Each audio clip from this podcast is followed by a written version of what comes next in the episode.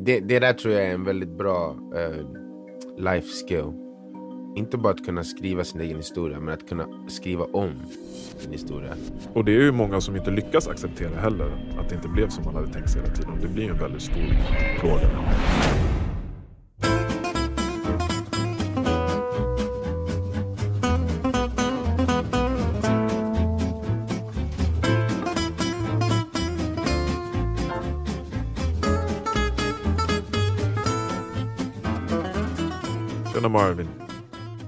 Madi, läget?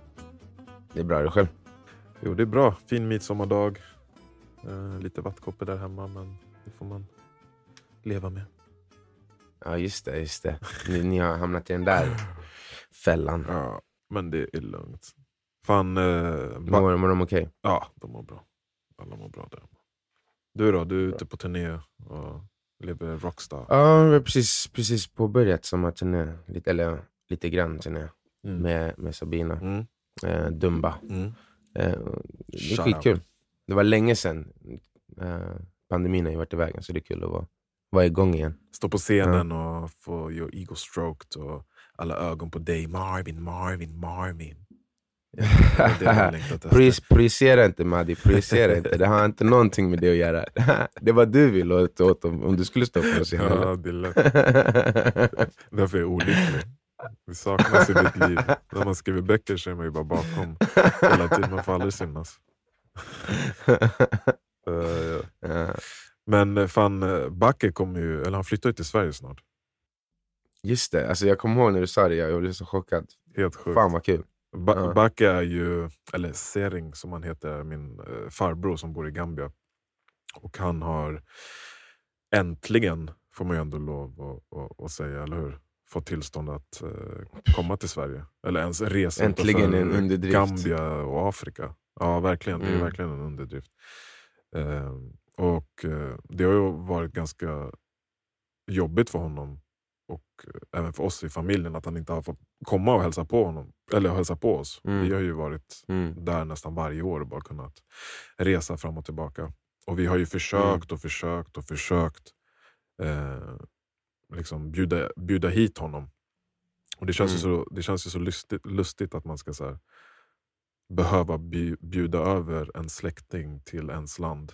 Alltså det är ju ganska främmande för oss. Vi står ju aldrig på andra sidan. Vi får ju resa i princip vart vi vill, eller hur? Ja, men det är fucking Hunger Games, det är ett skämt. ja, Distrikt 1, 2, 3, vi, bara, vi har bara turen att vi bor i distrikt 1 och alla andra bor i andra distrikt som inte har några samma... Ja, 100%, de har inte samma friheter som människor som vi har. De, vi får röra oss hur vi vill över hela planeten och de måste be om tillåtelse för att röra sig vart de, vart de ens tänker sig. Finns det det något land vi behöver visum för att komma in i? Alltså som att det är svårt att få oss? Ja, ja, ja, det är svårt, nej. Nej. Men, eller så här, jo, jo, Nordkorea. Ja, ja, men, alltså, så här, äh, man kan ju få alltså, turistvisum nästan vart som helst. mm, exakt. Skulle- Alltså, jag, jag, jag har inte hört talas om någon, någon annanstans där det skulle vara svårt. Men för dem spelar det ingen roll vilket land det är. Det är svårt vart de än ska. Ja, jag har försökt liksom många gånger för att försökt liksom föreställa mig att, att man var typ fast i, i Stockholm och inte fick röra sig utanför. Att det var som en mur runt omkring oss. Mm. Eh, det är svårt att, att, att föreställa sig faktiskt. Eftersom vi, det Klaustrofobiskt. Ja, verkligen. Och Mm. eh, eh, ja, men Vi har ju ansökt alltså, så här, ja, det här inbjudan tre gånger till Sverige och han har fått avslag Mm. varje gång. Och en gång till USA också eftersom min syster bor där. Så vi tänkte vi testar det också. Men det har inte gått. Så nu är vi, nu är vi jävligt eh, glada. Och eh, Mm. Förstår det. Eh, alltså när de, det är så, också när de avgör vem som ska få visum eller inte. Då handlar det mycket Mm. om att det ska finnas en stark anledning till att, de, att, att eh, en, övertygelse att den här personen som ansöker ska också vilja komma tillbaka till landet. Alltså typ att du har Mm, ett bra jobb, eh, att du har en business kanske, eller att du har pengar på banken, du har ett hus, en familj, eller du pluggar eller något liknande. Så någonting som knyter dig an så starkt till landet att det finns en anledning att komma tillbaka. Eh, Mm. För det har ju hänt förut att folk har fått visum, eller det händer väl hela tiden, fått visum så har de inte åkt Mm. hem igen och det är det som är problematiskt. Men, eh, och vid alla de här tillfällen när vi har gjort den här ansökan så har ju Mbake haft, eller uppfyllt alla de här kriterierna. Mm. Eh, Men det här beslutet bestäms ju ändå av en eller flera personer på ambassaden. Så att, Mm. eh, varf- Det blir subjektivt Ja, till slut precis, ändå. Precis, och jag tror Mm. också de har någon så här kvot om hur många kanske per månad eller vecka som de ska eh, bevilja då att få visum. Och jag kan tänka mig att de bara, ah, men vi tar den här personen, vi tar den här personen. Sen när det är över så kommer folk, fort, folk, fortfarande folk att ansöka. Men Mm. utan någon chans att bli beviljade. Mm. Så det är fett Mm. synd. Eh, Ja, verkligen. så det har varit många liksom, förhoppningar. Bara, ah, nu kommer han och sen stora besvikelser. Men now Alltså, det har väl varit så i typ 10-15 år av att försöka. Typ. Ja. Alltså för jag var där, när var vi där? 2013 senast typ. Mm. Något 14 sånt. kanske. Ja. Men ja, och då hade han redan försökt i flera år. ja, det har alltid och det, är liksom, det är nio år sedan. Ja. Alltså han har ju... Han, nu har han ju fått... Nu, nu blev, nu kom han, han har ju alltid pluggat och nu ska han göra sin master då på eh, Göteborgs uni- universitet. Så Ja, det ju är på fett Göteborgs stort. universitet. Ja, Min, min bror kanske ska gå där också. Är det De kanske blir, går på samma... Ja. Ah, vad roligt. och han fick ju Ja. scholarship också så att skolan är betald. Han får typ 10 lax i månaden för att betala sin hyra och, och liksom hushåll och sånt. Så det är verkligen en Shit, stor vad grej. kul alltså. Mm. Jag vet inte hur många tusen afrikaner, eller afrika, ja, man får säga afrikaner, eller hur? Det kändes fett fel av någon anledning. Tusen afrikaner. jag vet inte varför det kändes så konstigt. Så. Men det är kanske generaliserande för att det, liksom, det, är, så, det är som att säga tusen europeer. Ja, liksom. men Man det- brukar inte göra det. Nej, men det var tusen afrikaner, alltså af afrikaner Ja, från olika afrikanska från- länder. som sökte det här, som sökte det här äh, scholarship och han var en av kanske några hundra som fick den. Så det var jävligt roligt. Och hans, hans livsresa ju- och utveckling är också fett intressant. Han är ju född och uppvuxen i, i, i Kodang, eh, en by på landsbygden i Gambia. Då Mm. under samma tak som min pappa. Eh, det är ju min farbror, men min pappa och han delar ju inte mamma och pappa. Alltså de delar inte blod på det sättet. Eh, Mm. Men som de gör i byarna, där är ju typ att de, de, de kan ibland byta barn nästan. Och det, Mm. det, det är lustigt men de lever verkligen efter, du vet, it takes a village. Takes a village. Ja. Yeah. Precis, to raise a child. Så alla de vuxna, åtminstone alla vuxna på samma tomt har ju ansvar för alla barn på något sätt. Mm. Och alla barn har respekt för de äldre och alla de äldre uppfostrar barnen. Mm. Så att eh, eh, pojkar och flickor runt samma ålder bor ju under samma ta- tak och de blir ju som syskon. Mm. Men också eftersom att alla vuxna är involverade i alla barns liv så kan det hända att det som man, man får tycke för ett speciellt barn som kanske nödvändigtvis inte är ditt eget barn. Så, Mm. så i Mbakes fall så tyckte min farfar, eh, Jalli Maddi, han tyckte väldigt mycket om Bake när han var liten. Så att han höll honom Mm. alltid väldigt nära och det var ömsesidigt. Bake tyckte också väldigt mycket om honom. Mm. Så att, eh, ja, det blev naturligt att han tog hand om honom mer eh, än någon annan. Och tills typ Bake var fyra eller fem, sex år kanske, så trodde han att, eh, att det var hans pappa på riktigt. Så även, även om de eh, sa till honom att det här är inte pappa så trodde han inte på det. Eh, så jag tycker det där är jävligt vackert på något sätt. Just den där mentaliteten, it takes a village. Ja men verkligen. Det, det är också lite kul för att det, det är någonting som känns som att det har följt med en svart kultur världen över. Alltså för att så här, Mm. Det är samma sak i USA bland svarta. Att säga, yeah, that's my cousin, men det är inte hans cousin. Mm. Eh, det, det, that's, that's auntie bla bla bla, men det är inte hans riktiga auntie. Det, Mm. man, det, det, liksom, det, det går att bli familj på andra sätt än blod. Liksom. Det är ganska coolt. Och hur, hur många gånger har man inte förklarat det där när man är uppväxt i Sverige? Typ så här, jag har inte många Mm. eh, liksom, eh, blodsläktingar på min pappas sida här i Sverige. Mm. Men jag har jättemånga farbröder och Mm. fastrar och Mm. kusiner som jag säger. Mm. Eh, och så frågar liksom någon som är främmande till kulturen, bara, vadå, är det din pappas brors barn? Eller så bara, Mm. nej vi är inte släkt på det sättet. Då är det svårt att förstå. Mm. men, men i alla fall, eh, så Bake är uppväxt på landsbygden bygden, men han fick flytta till eh, Kombo i, i tonåren. Kombo är ju den mer centrala delen av Gambia. Mm. Och eh, Han fick bo med en släkting till oss där som heter Forday. Och Forday fick chansen när han var ung att åka till USA för att studera. Och Sen kom han tillbaka till Sverige och fick ett Menar du tillbaka bra... till Gambia? Ja, precis. Eh, han, han var typ chef för motsvarigheten till Tele2 typ, i, Mm. i Gambia. Gamsel. Mm. Eh, och han Gamselboy. Gamselboy. Backe blev ju senare Gamselboy. Eh, när han började jobba där själv. Men, Mm. men Forday då var ju en, eh, en riktigt bra man för att han hjälpte många av de här unga killarna och, och, och tjejerna att komma från landsbygden och komma in till centrala Gambia. Eh, han sponsrade liksom deras skolutgifter eh, och de fick mat och hushåll och jobbmöjligheter sen när de var klara med skolan. Så att han liksom bara slussade verkligen in dem i, i, i samhället på ett bra sätt. Mm. Eh, men, men sen då så flyttade Mbacke från Fordays hus till vårt hus. Och Han Mm. började hjälpa min pappa mycket. Eh, så när, min, när inte vi var i Gambia så kunde han se till att saker och ting blev gjorda. och sådär. Mm. Och min, min relation med Mbacke blev liksom på riktigt 2009, Mm. kommer jag ihåg. Eh, och Det var när jag och Sebbe och Baidi åkte till Gambia. Mm. Och vi var, vi var 18 år då och hade förstått att liksom, man kunde festa i Gambia och ha jävligt kul. Ja, du vet ju själv, det är ju jävligt kul. Plus att det hjälper när man är 18 att en öl kostar 15 spänn. Typ. Det, man kan leka baler hela natten lång. Och det var ju det som var så jävla kul för att vi drog ju med oss en backe liksom Mm. 2009 när vi gick, gick ut och festade. Och för honom var ju det helt främmande. Alltså även fast han hade flyttat från landsbygden till centrala Gambia eh, och bott där ett tag så hade han ju fortfarande varit isolerad med sina lantiskompisar och släktingar och bara pluggat och varit så här en Mm. duktig pojke. Mm.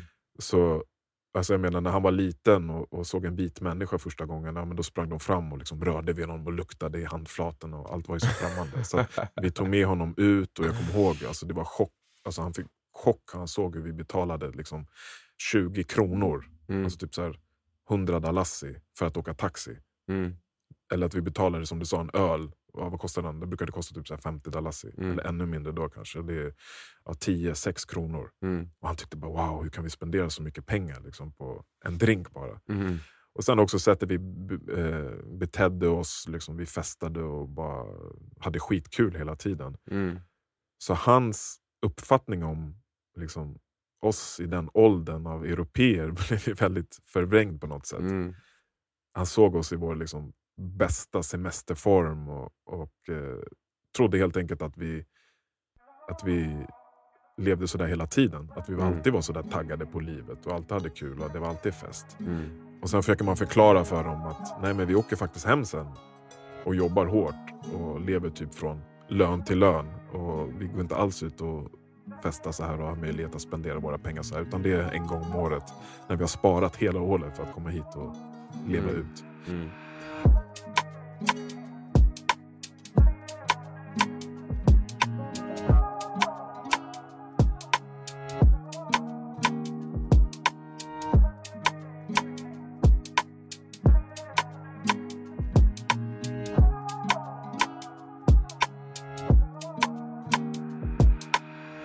det där är ju fett intressant för att liksom, på den platsen där vi är, alltså från, eller kommer ifrån, så är, det här, alltså så är ju vår semester egentligen den enda chansen vi har att leva ut på det sättet. Mm. Mm.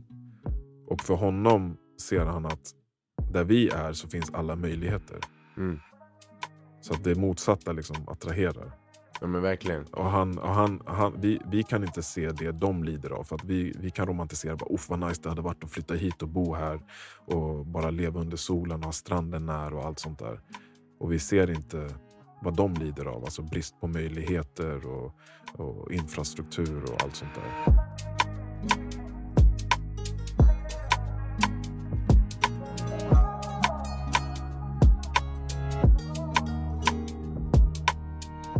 Samtidigt som de inte ser vad vi lider av. Alltså varför vi känner, varför vi uppskattar att vara där så mycket. Det är ju inte bara att våra pengar är mycket mer värda, men också den här gemenskapen och kulturen och att slippa pressen av eh, det vi pressas av här i, i, i Europa. Det där är så intressant för att det, det visar ju på någonting. Alltså, har man tillgång till bara det där lugnet, alltså Mm. ehm, tiden är inte så viktig, det är varmt, det finns liksom det finns eh, frukter och, så, och vet du, fruktcocktail och det, whatever, whatever. Det är jättetrevligt. Men det finns mer till den mänskliga tillvaron. Där, din, där man behöver känna att man har möjlighet att växa och utvecklas. Mm. Eh, som de inte har tillgång till på samma sätt. Och det, är, eh, det är det som är fängelset, i, eller vad man ska säga, som de blir fast i när de, när, som i Mbakes fall inte har fått komma ut därifrån på, på över ett decennium. Liksom.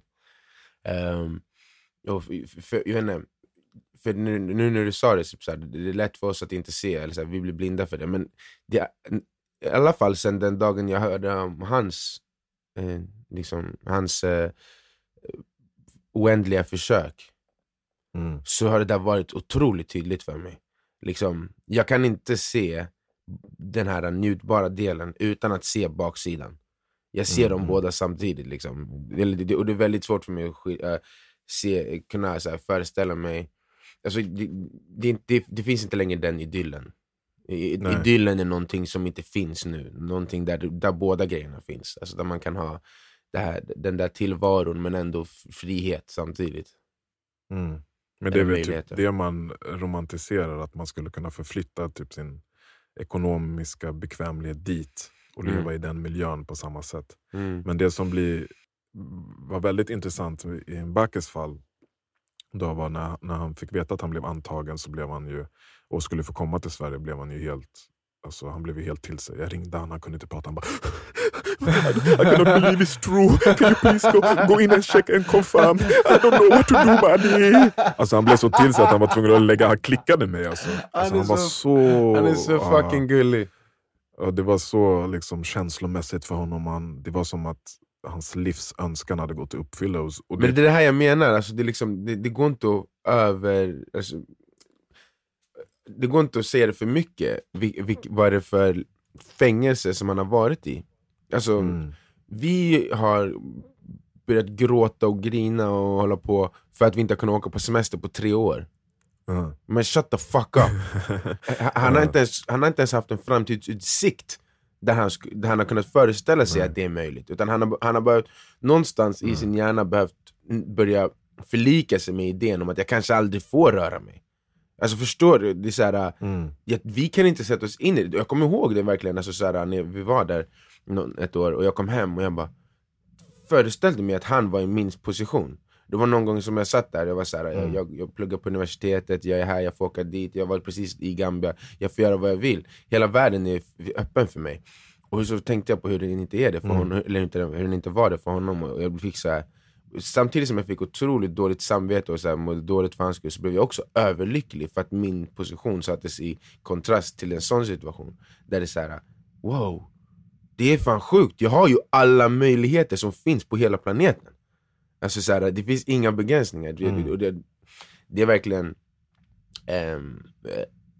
eftersom det, på ett sätt kan det kännas fult att sätta det i kontrast till någon, någon som inte har som man också känner. Men samtidigt så känns det så fult att Mm. inte bejaka det och inte uppskatta det så mycket som jag tycker att jag borde. Så mycket som han gör när han får reda på att han ska komma hit. Alltså, någonstans borde Mm. man vara medveten om att så lyckliga blir andra människor av att bara få alltså, en, en, en smula av möjligheterna som vi har varje dag.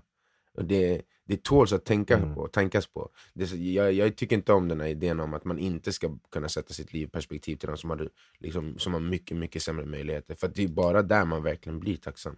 I alla fall jag. Jag har aldrig känt en sån tacksamhet Ja. som när, när det sattes i den kontrasten. nej. Men det paradox, paradoxala här blev ju att Mm. när jag ringde honom dagen efter. Alltså dagen, först ringde han mig såklart när han fick reda på att han blev antagen och var så helt hysterisk. Och så ringde jag honom dagen efter och då, då lät han lite nedstämd. Mm. Mm. Jag bara Mm. okej, vad händer nu? Och då slog det honom att liksom, den, den idén man hade om Europa, att allting som man Mm. behöver finns där.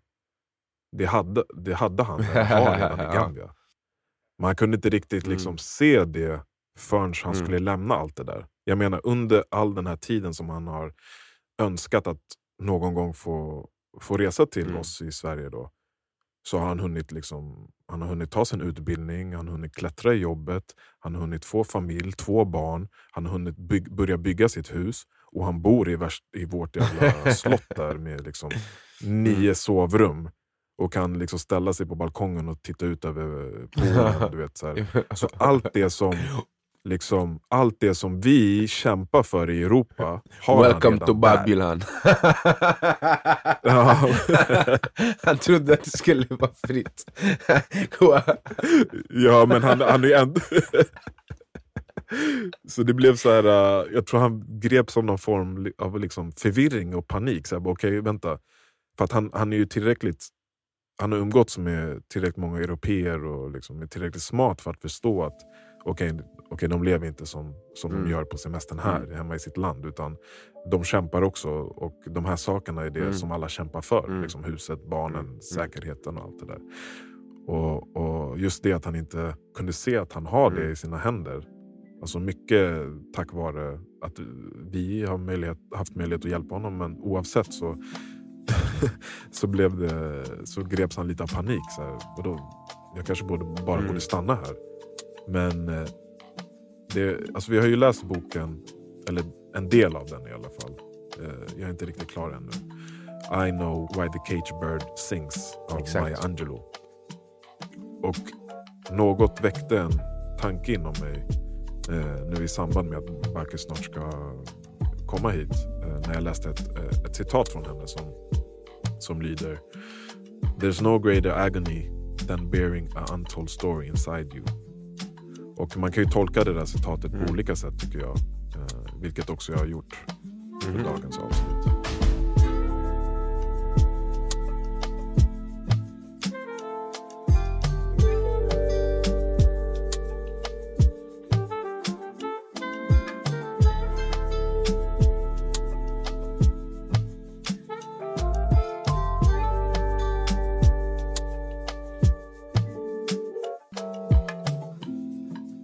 Nej men alltså det jag tänkte på Mbakes fall är att han liksom han har haft den här förväntningen om att han någonsin ska få åtminstone se ett annat land än Mm. Gambia. Eller Mm. jag tror han har varit i Nigeria liksom, en gång. Mm. Eh, Men Europa, att se Europa har varit en stor dröm såklart. Och Mm. jag, på något sätt känner jag att eller han har också trott att liksom det, det är det enda som är möjligt för att han ska uppfylla sin fulla potential. Mm. Och att han alltså i slutskedet då av hans liv att han ska kunna berätta en värdig livshistoria. Så utan Mm. den resan så är inte hans livsberättelse liksom klar.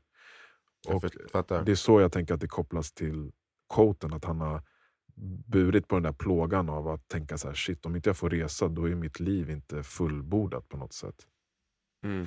Mm. Eh, och så, som sagt, den ovissheten har liksom tyngt honom väldigt länge. Mm.